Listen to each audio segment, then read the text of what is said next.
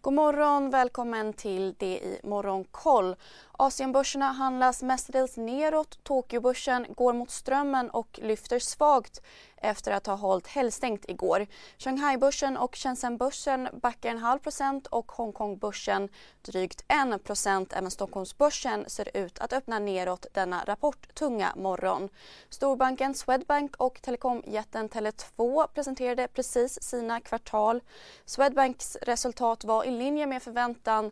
Räntonettot var något bättre samtidigt som kreditförluster blev mindre i kvartalet. Den mindre posten finansiella transaktioner var svagare än väntat. Tele2 redovisade ett resultat i princip i linje med förväntan medan försäljningen på drygt 6,8 miljarder kronor var något över analytikers förväntningar. Bland övriga nyheter avslutas eh, SAS pilotstrejk nu efter att SAS nått en överenskommelse med pilotfacket kring ett kollektivavtal på fem och ett halvt år. Vidare garanteras 450 piloter som sagts upp under pandemin återanställning. SAS räknar nu med att kunna säkra finansiering till en rekonstruktion de kommande veckorna. Och bygghissbolaget Alimak förvärvar en kanadensisk leverantör av hiss och kranuthyrningstjänster för 215 Vi är specialister på det vi gör, precis som du. Därför försäkrar vi på Swedea bara småföretag, som ditt. För oss är små företag alltid större än stora och vår företagsförsäkring anpassar sig helt efter firmans förutsättningar. Gå in på swedea.se företag och jämför själv. Miljoner kronor. Enligt Alimak ska det bidra positivt till, till ebitda-resultatet i en av Alimaks divisioner.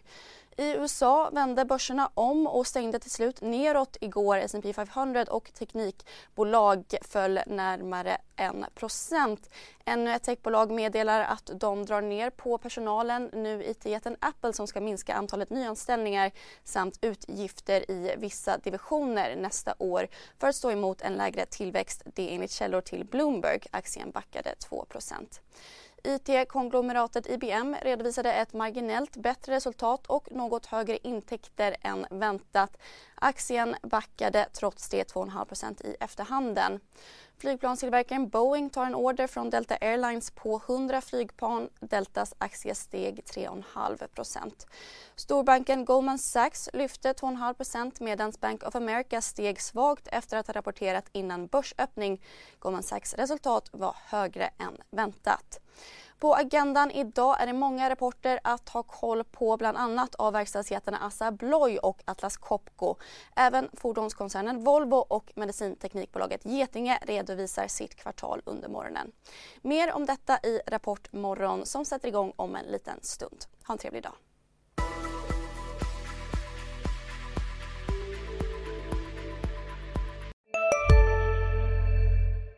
CSRD. Ännu en förkortning som väcker känslor hos företagare. Men lugn, våra rådgivare här på PWC har koll på det som din verksamhet berörs av. Från hållbarhetslösningar och nya regelverk till affärsutveckling och ansvarsfulla AI-strategier. Välkommen till PWC. Hej, Synoptik här. Så här års är det extra viktigt att du skyddar dina ögon mot solens skadliga strålar.